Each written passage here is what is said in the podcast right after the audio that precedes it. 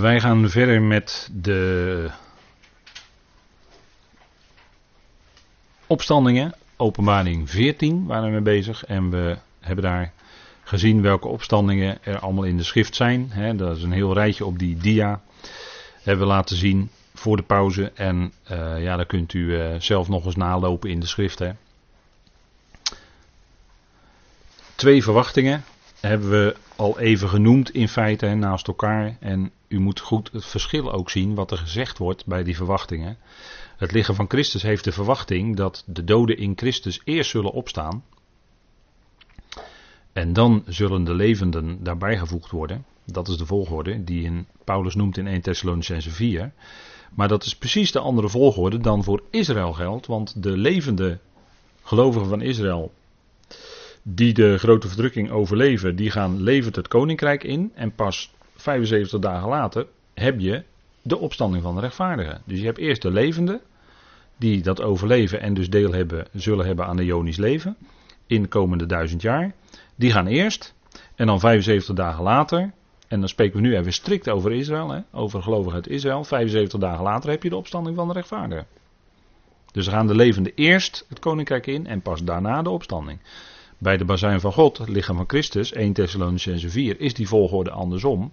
Want daar wordt uitdrukkelijk gezegd dat de doden in Christus eerst zullen opstaan. En daarna zullen wij levenden samen met hen tegelijk gevoegd worden. En zullen we hem in de lucht ontmoeten. Dus u ziet die omkering in de volgorde. Ik heb ze op deze dia maar even naast elkaar gezet. Kunt u voor uzelf checken. En dan moet u die dingen naast elkaar maar vergelijken. Dat is echt een duidelijk verschil. En dat laat ook zien, des te scherper, hoe anders de verwachting is die Paulus noemt in 1 Thessalonicense 4, dan voor Israël, waar Paulus natuurlijk ook van wist. Dat is even om het verschil voor u aan te duiden. Hè? Openbaring 14, vers 13. Gelukkig zijn de doden die in de Heer sterven, van nu aan. Ja, en er wordt er iets van hen gezegd. Ja, de geest zegt dat ze zullen rusten van hun inspanningen. Dat is dan omdat zij op dat moment dood zijn. Want hun daden volgen met hen. En dat zal zijn in de opstanding. Want dan zullen zij deel hebben met de Messias aan de regering over de volkeren. En dan zullen ze deel hebben aan de zegeningen van het koninkrijk. En ze zijn als martelaar gestorven om hun geloof. En daarom zullen ze deel hebben aan die zegeningen. Ze hebben ze zijn gestorven voor Gods woord en voor het getuigenis, voor het geloof in Jezus. En dan zullen hun daden met hen volgen. En zij zullen dan ook deel hebben aan de zegeningen van het komende koninkrijk. Dat geldt voor degenen die in de Heer sterven in die tijd. Dus ze staan op en hebben deel aan de zegeningen. Hè?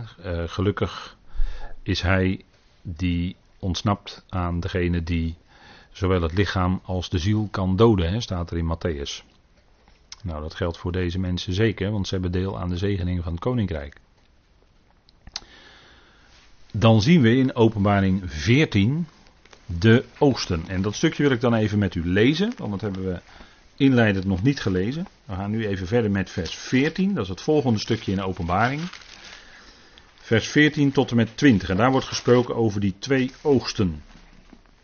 Er staat er in mijn, mijn vertaling hier ook boven de graanoogst en de wijnoogst. Dus het zijn twee verschillende oogsten. Hè. Het is tijd om te gaan oosten. En ik zag en zie een witte wolk, openbaring 14 vers 14. En op de wolk zat iemand als een mensenzoon met op zijn hoofd een gouden kroon en in zijn rechterhand een scherpe sikkel. En een andere engel kwam uit de tempel en riep met luide stem tegen hem die op de wolk zat. Zend uw sikkel en maai, want het uur om te maaien is voor u gekomen, omdat de oogst van de aarde geheel rijp is geworden. En hij die op de wolk zat, zond zijn sikkel op de aarde en de aarde werd gemaaid. En een andere engel kwam uit de tempel die in de hemel is, en ook hij had een scherpe sikkel. En een andere engel kwam bij het altaar vandaan die macht had over het vuur. En hij riep met luide stem tegen hem die de scherpe sikkel had, en zei: Zend uw scherpe sikkel en oogst de trossen van de wijnstok van de aarde, want de druiven ervan zijn rijp. En de engel zond zijn sikkel op de aarde en oogste van de wijnstok van de aarde en wierp die in de grote wijnpersbak van de toren van God en de wijnpersbak werd getreden buiten de stad en er kwam bloed uit de wijnpersbak tot aan de tomen van de paarden 1600 stadien ver. En er staat in mijn vertaling bij dat één stadie ongeveer 185 meter is. Dus kunt u het uitrekenen. Twee oogsten worden hier genoemd. De tarweoogst of graanoogst en de wijnoogst. De druiven worden geoogst waarvan je dan weer wijn kan maken. We zien dat eh, in het zogenaamde tempelgedeelte waar we in zitten, dat het steeds gaat om twee groepen. Het gaat om de getrouwen, dus de gelovigen uit Israël, en het gaat om de afvalligen van Israël. En als het gaat om de afvalligen van Israël, dan zullen we ook nog verder gaan zien, en we hebben dat al in openbaring 14 al iets van gezien, maar we zullen daarvan ook verder in openbaring zien dat dat te maken heeft met Babylon. En dan als hoofdstuk 17 is dat, dan als dat aan de orde is, dan zullen we daar ook dieper op ingaan om te laten zien waarom dat te maken heeft met de afvalligen van Israël. En uh, dat is denk ik toch wel een uh, zaak die je goed moet onderbouwen vanuit de schrift. En dat is mogelijk. En dat uh, willen we te zijn tijd, als God ons die tijd nog geeft, doen. De getrouwen en de afvalligen van Israël. het eerste, we zien dus het tempelgedeelte. Dat valt er eigenlijk uiteen in twee delen zou je kunnen zeggen. Als u de structuur van openbaring erbij pakt, die heb ik ooit aan u gegeven. Dan zie je dat er twee keer een eindfase komt. De eerste eindfase lezen wij hier, dat is oogst. En de tweede eindfase is in openbaring 19. Dan lezen we over het bruiloftsfeest van het lammetje. En Gods grote diner, of Gods maaltijd, hè, wordt er dan over gesproken. En hier wordt dan gesproken over de tarweoogst en de wijnoogst twee keer een einde van een stukje in het tempelgedeelte. Hier gaat er dus, valt er dus uiteen in een tarweoogst en een wijnoogst. Dat is dus een, een, een, dubbelbeeld, zeg maar. En je ziet in openbaring 19 aan het eind ook dat dubbelbeeld, alleen dan anders. Maar dan is het een bruiloftsfeest of een grote maaltijd. Hè. In bruiloft is een beetje een moeilijk woord, want in het Grieks staat er meestal het woord gamos en dat heeft te maken met maaltijd. En er wordt dan vaak van gemaakt dat het gaat om een bruiloft, maar dat is niet altijd zo duidelijk. Um, en als u die, uh, ja, uh, hoe noem je dat, gelijkenissen daarover leest, dan, uh, dan valt wel één ding op. Even vooropgesteld, stel dat het steeds om een bruiloft zou gaan, dan wordt eigenlijk soms gesproken over een bruidegom, maar er wordt nooit gesproken over de bruid. Je leest nooit iets over een bruid wordt wel gezegd dat er een maaltijd wordt aangericht of een bruiloft, maar de bruid wordt niet genoemd. Dat is ook een merkwaardig verschijnsel. En goed, ik geef het maar even mee, kun je daar eens over nadenken. Maar we lezen dus aan het einde van openbaring 19 over de bruiloftsfeest van het lammetje en Gods grote diner. En het eerste is weer, uh, laten we zeggen, positief. Dus dat gaat dan om de gelovende getrouwen uit Israël. En het tweede deel is dan weer eh, de verontwaardiging van God, waarbij echt gericht en uh, oordeel, oordeel, in de zin van een stukje veroordeling komt. En dat geldt ook voor de tarweoost en de wijnoost. We hebben het net met elkaar gelezen. Bij de wijnoost wordt ervan gezegd dat er getreden wordt. Hè? Zoals dat uh, ook gaat bij wijnoost. Dan wordt er getreden met blote voeten in de wijnpersbak. En dat is in de schrift wel vaker een, een verschijnsel van gericht. Dat de wijnpersbak getreden wordt. En ook de dosvloer. De dosvloer is ook een uitbeelding van gericht in de schrift. Denkt u maar aan de dosvloer van Arauna. Weet u nog wel? De dosvloer van Arauna. Dat was ook een gericht. Hè? Daar kwam, daar, in verband daarmee was ook sprake van gericht. Weet u nog wel? Hè? In, de, in Tenach. Dat David uh, volk ging tellen. En dat had te maken met de dorsvloer van Arauna. Daar was sprake van. Dorsvloer wil dus zeggen dorsen. Dus er wordt getreden om die korrels eruit te krijgen. Hè. Normaal moet een os dat doen. Hè. En je zou een dorsende os dan ook niet muilbanden, hè, zegt de schrift. Maar dat wordt dan door de os gedaan. Maar hier, bij die graanoost, hebben we gelezen over de oost. Alleen er wordt niet getreden. Dat is, dat is het punt. Dus het, het, het gericht, het oordeel, is daar niet. En bij het tweede, die wijnpersbak, wordt er wel getreden. En dan is er dus wel sprake van oordeel. Dus het zijn wel twee verschillende beelden die naar voren komen. Um, dan moeten we even meenemen. En je moet openbaring toch steeds. Ja, openbaring is niet zo'n makkelijk boek hoor. Openbaring moet je meenemen dat. eh, we hebben het hier over het tempelgedeelte. En hier gaat het om het gedeelte waarin eerst de ark van het verbond zichtbaar is geworden. Dat hebben we toen uitdrukkelijk met elkaar besproken. De ark van het verbond wordt genoemd. Het verbond waaraan God trouw is. En dan hebben we zometeen in hoofdstuk 15 wordt zichtbaar in de hemel de tempel, staat er, van de tent van het getuigenis in de hemel. En bij het getuigenis gaat het om de wet, of gaat het om de tien woorden.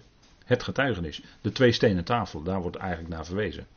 En dat getuigenis is, dat getuigt dan op dat moment in de openbaring 15 tegen het volk.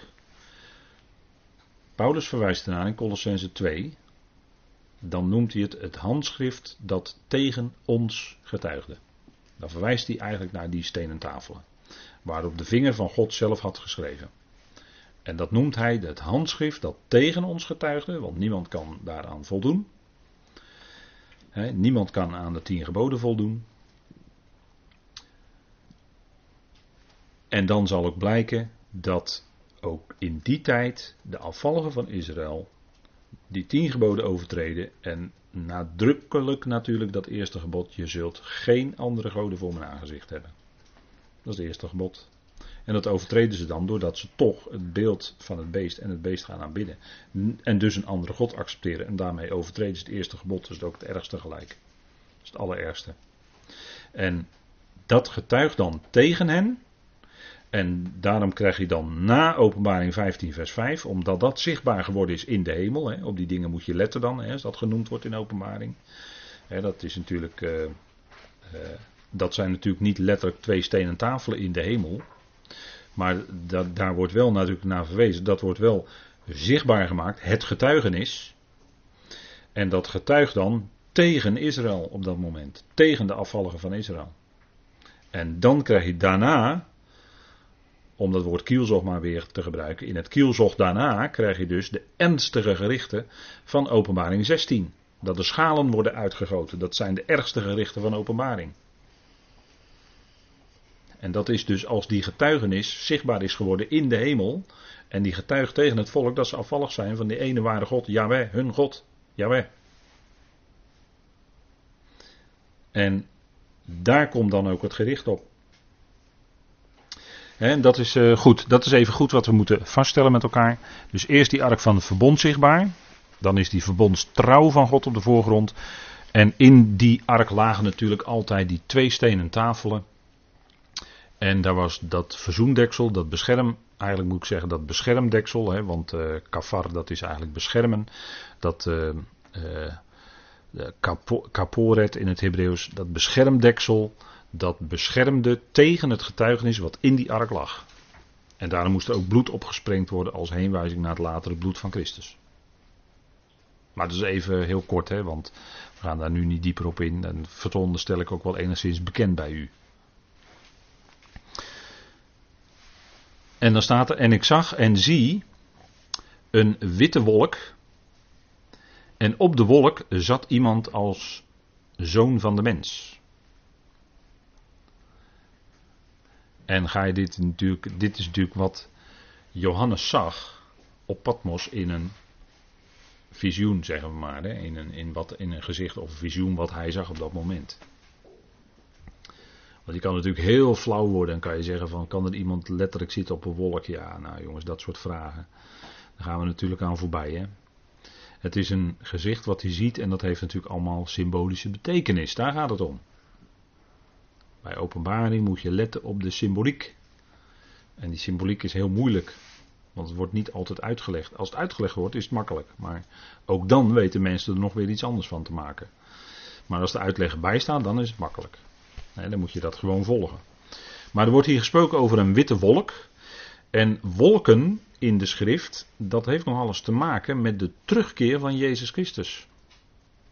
Denkt u maar aan Matthäus 24, hè? Dat, is, dat, is een, dat is gewoon een uh, voorzet die kan je zo inkoppen.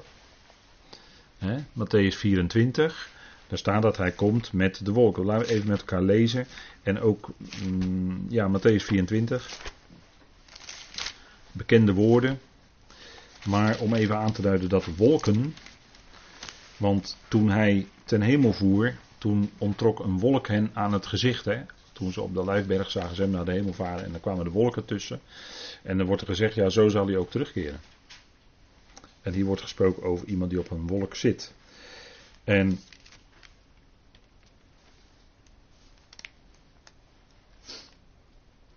Matthäus 24, vers 30 staat.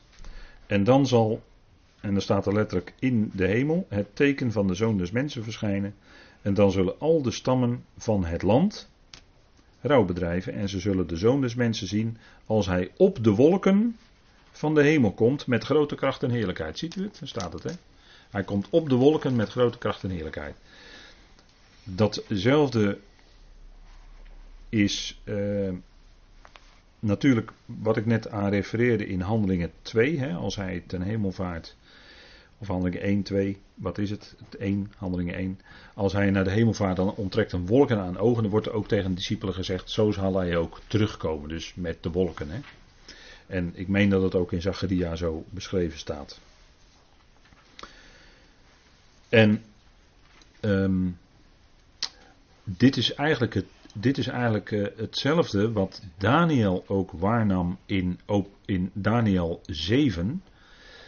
En daar wordt dan gesproken over de zogenaamde oude vandagen. En daarom ziet u wel eens in bepaalde voorstellingen, tekeningen, dat uh, God wordt voorgesteld als een hele oude man. Dat is natuurlijk waanzin.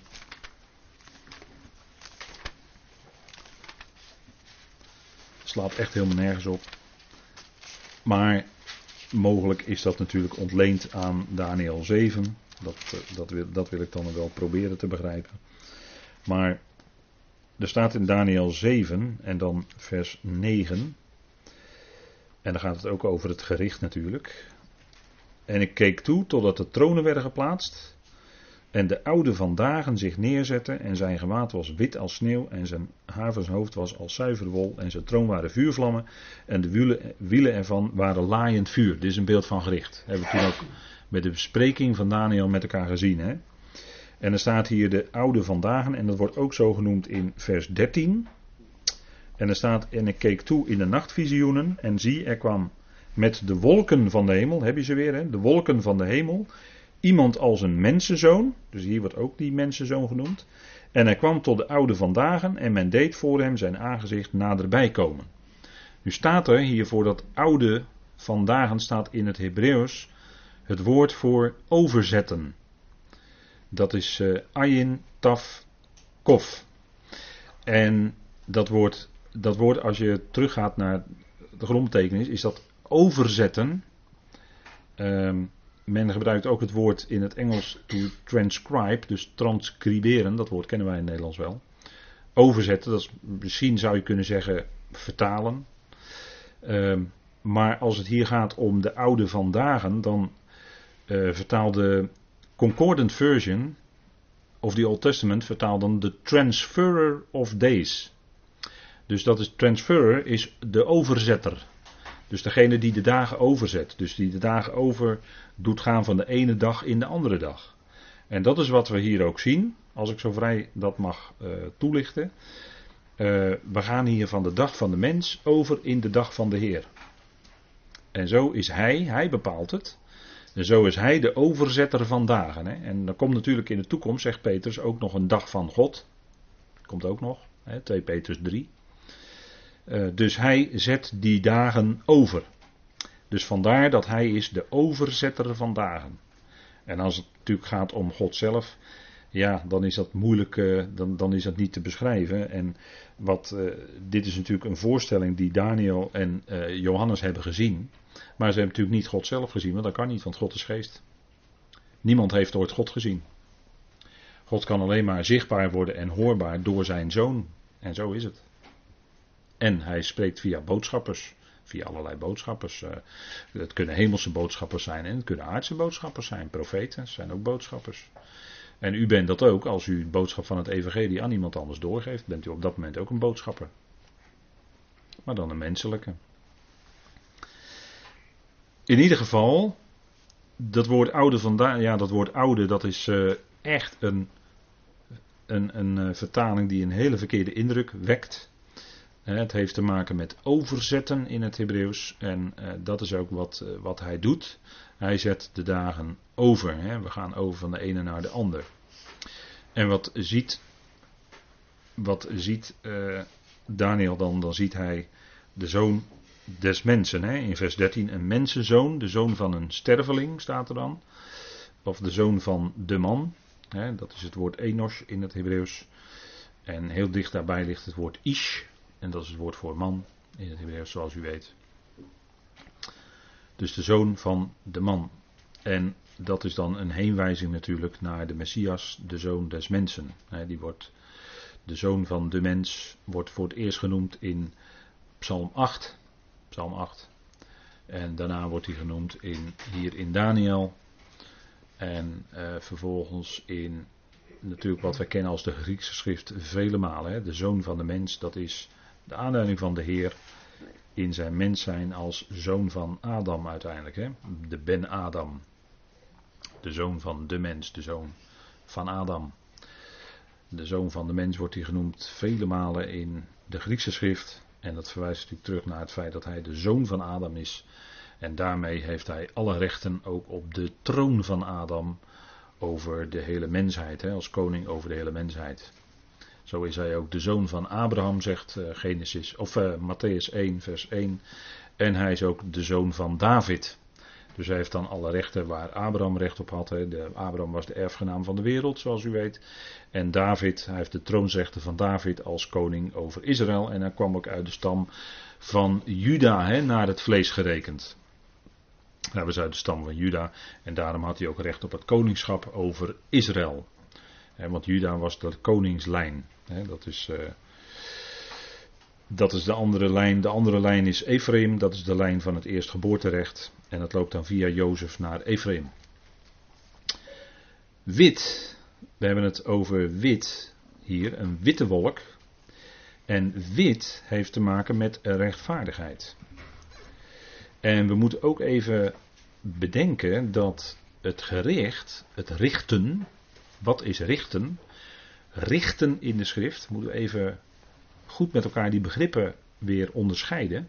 Richten in de schrift is toedelen wat iemand toekomt. Toedelen wat iemand toekomt. En dat is dus niet hetzelfde als veroordelen. Dus als we het woord gericht horen, dan denken wij direct aan veroordeling. Maar dan moet u even proberen vanaf nu in uw gedachten van elkaar los te koppelen. Want richten betekent wat iemand rechtens toekomt. En de schrift zegt ook: richt de armen en de wees, dat wil zeggen, uh, richt de weduwe en de wees, dat wil zeggen, zorg dat die weduwe en die wees, dat die genoeg hebben om te kunnen leven. Dat is ook richten. Dat is geven wat iemand toekomt. En richten kan ook zijn inderdaad van het treden zoals de druiven hier worden getreden in openbaring 14. Maar het gaat om recht doen. En dat is rechtvaardigheid in de schrift ook. Gericht houden is recht doen. Als de Messias komt, zal hij het recht voortbrengen. Dan zal hij al wat krom is, en dat is nogal wat. Oh, jongens, jongens, jongens, jongens. De, de, in de pauze hadden we een filmpje. En daar zei de spreker dat ook. Tegenwoordig noemt men het goede kwaad en het kwade goed. Nou, in die tijd leven we ook. die spreker die eh, in dat YouTube-filmpje te zien was, die zei dat volkomen terecht. Op grond van de schrift. We leven in die tijd. Het goede wordt kwaad genoemd en het kwade wordt goed genoemd. En je moet je eraan conformeren onder, de, onder het kopje politieke correctheid. Ja, ja. Dat lijkt allemaal heel mooi. Dat lijkt een hele mooie uitdrukking, maar het is zo dwingend als ik weet niet wat in de praktijk. Je moet politiek correct zijn.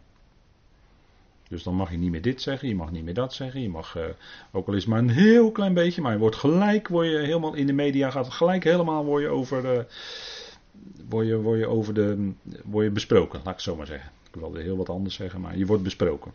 En dan uh, laten ze niks van je heel. Want dat gaat tegenwoordig in de media natuurlijk supersnel. Via de social media nog veel sneller dan de gewone media, de kranten en zo. En dan ga je hoor. En Dus je moet, heel, je moet heel erg opletten wat je wel zegt en wat je niet zegt. En, want ja, oh, oh, oh, politiek correct eh, willen we zijn. Nou, kijk, het gericht, rechtvaardigheid, dan als de Messias komt, zal hij recht doen. Dan zal hij het recht voortbrengen. Dan zal hij recht zetten wat krom is geworden. En dat kan alleen hij doen. Dat kunnen wij niet. Wij als mensen zijn eerder bezig iets krom te maken wat recht is. Maar hij gaat recht maken wat krom is. En dat zal hij zeker doen.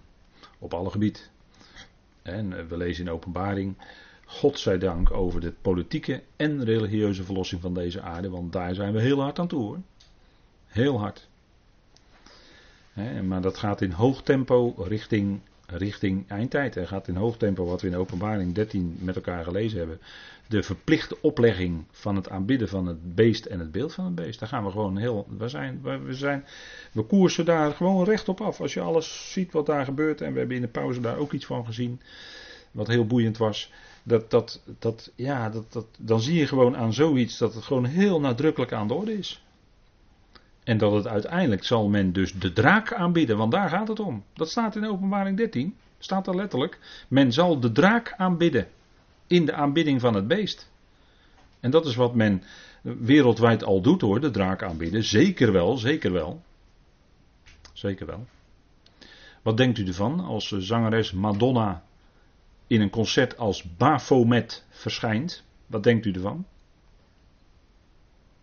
Dat gebeurt allemaal gewoon hoor, in, in concerten. en en uh, zangeres Beyoncé heeft dat ook gedaan. Wat denkt u ervan? Dat zijn de bekende namen hoor. De jongeren weten er precies over wie het gaat. maar dat, dat is dus aan de orde van de dag. Er wordt allemaal geaccepteerd, er wordt allemaal getolereerd. Er wordt eigenlijk wordt, wordt dat juist heel sterk naar voren gebracht. Dat soort dingen. En zo komt het. Eh, hè, en uh, die, die, zalen zitten dan vol met, uh, met jongeren vanaf 13, 14 jaar. En die, die worden dan, dat, dat wordt dan gewoon over ze uitgestort. En ik hoef u niet te vertellen dat het sinds de jaren 60 van de vorige eeuw allemaal los is gemaakt. Die, die enorme golf. Maar dat, dat is wat hoor, dat is wat. Dan praten we wel over dingen die, die echt serieus zijn. maar dan zie je dus aan al die, al die manifestaties. Dan zie je gewoon aan dat het, dat het heel hard die kant op gaat. Verplichte aanbidding. Dat wordt opgelegd door religie en alles werkt eraan mee. De, de religieuze kopstukken werken er ook aan mee.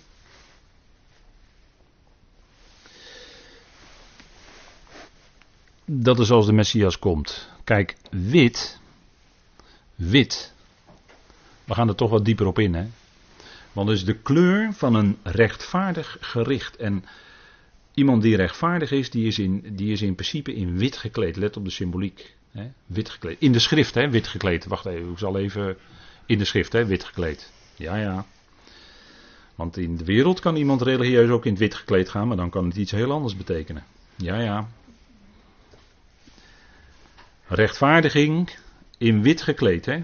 Wie was dat? De Heer zelf. De verheerlijking op de berg, Matthäus 17. Hij, was in, hij verscheen en men zag hem in witte klederen. Zijn heerlijkheid in het koninkrijk. Zijn boodschappers, wit gekleed. Staat in het graf. Ja, hij is hier niet, hij is opgewekt. Maar ze waren in wit gekleed, de hemelse oudsten. En men wordt bekleed met rechtvaardigheid. Hè? De overwinnaars uit de openbaring hebben we al met elkaar gezien. De zielen onder het altaar. Ook met wit bekleed. Hè? Let op de symboliek, de kleur wit. Prachtig hoor, daar zitten alle kleuren in, hè, in wit. Als je zwart hebt, zijn alle kleuren eruit gehaald. De grote menigte. Ook, die zijn bekleed met witte klederen, die zwaaien met palmtakken. Niet in de hemel, maar dat is in de duizend jaar. Dat is het koninkrijk op aarde, hebben we ook met elkaar gezien. De grote menigte van, uit, van Israëlieten uit de hele wereld is dat. Hè? Die zwaaien dan met palmtakken. Hè? En dat moeten ze doen. Is dat niet de Lulaf bij het Lovettefeest of zo? Of ben ik nou eh, aan het dwalen? Ik hoor, geen protesten, dus ik denk dat ik goed zit. Dan de legermacht van Christus, hè, die in openbaring 19 komt, die menigte. Dan komt hij als dan komt hij als, dat, is wat je ook in openbaring 19 ziet, maar het staat ook in, in Zacharia natuurlijk. Hè, dan zal hij uittrekken, hij, Jezus Christus, zal dan uittrekken als Yahweh Zevaot. Dat is de Heer van de menigten. Zo zal hij dan uittrekken. En Yahweh Zevaot, dat is de strijder. Dan gaat hij strijden voor zijn volk. Dan gaat hij uittrekken om te strijden tegen die vijandelijke legers die rondom Israël dan gegroepeerd zijn.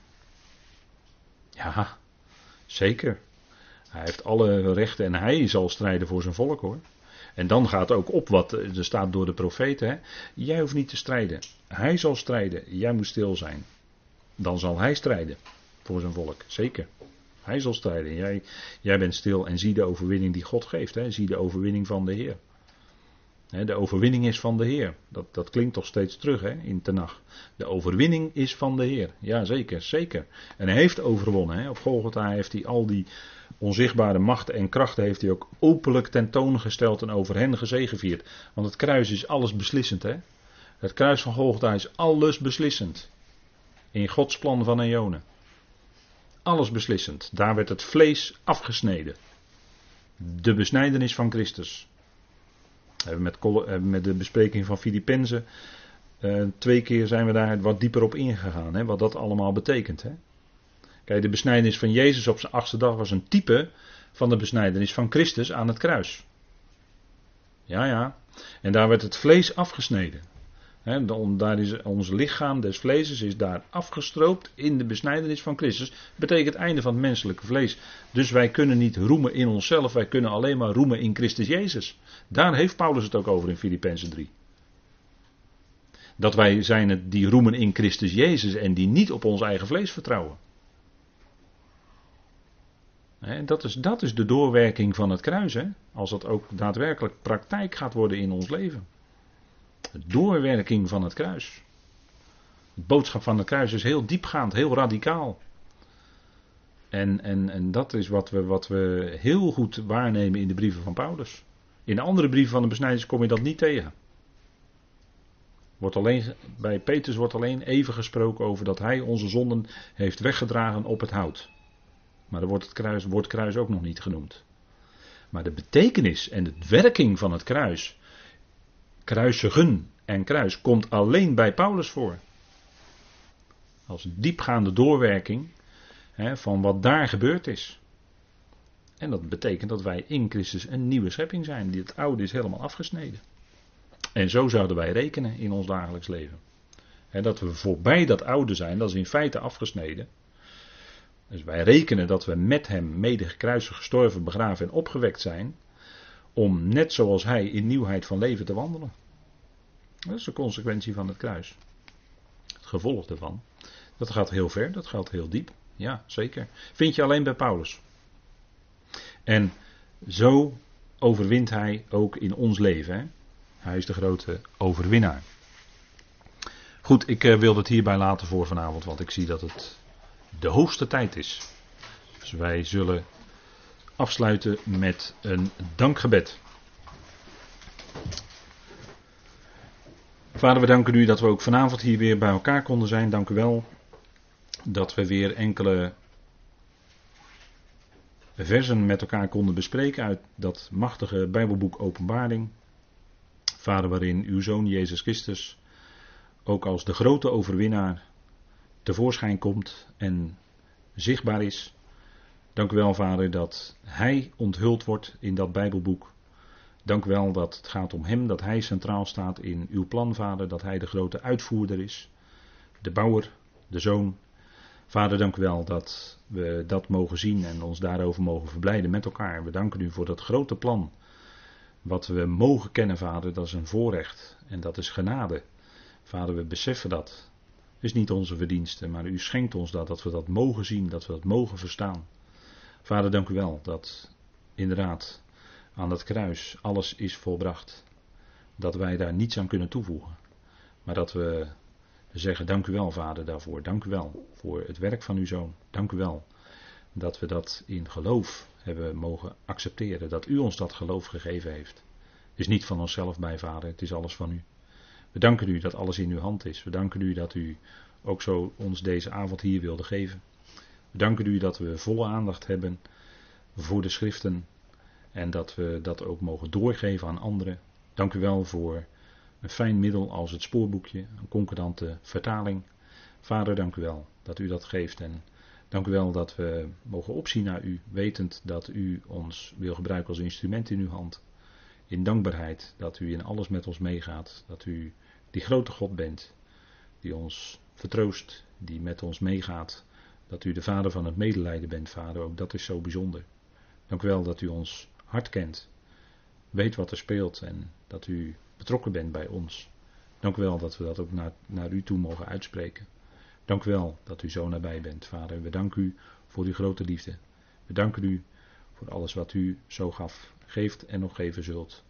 Dank u wel dat u ook in de komende dagen met ons meegaat in al wat wacht, al wat gaat gebeuren en moet gebeuren. Vader, dank u wel dat we altijd in uw hand zijn en in uw hart. We danken u daarvoor in die machtige naam van uw geliefde Zoon, onze Heer Christus Jezus. Amen.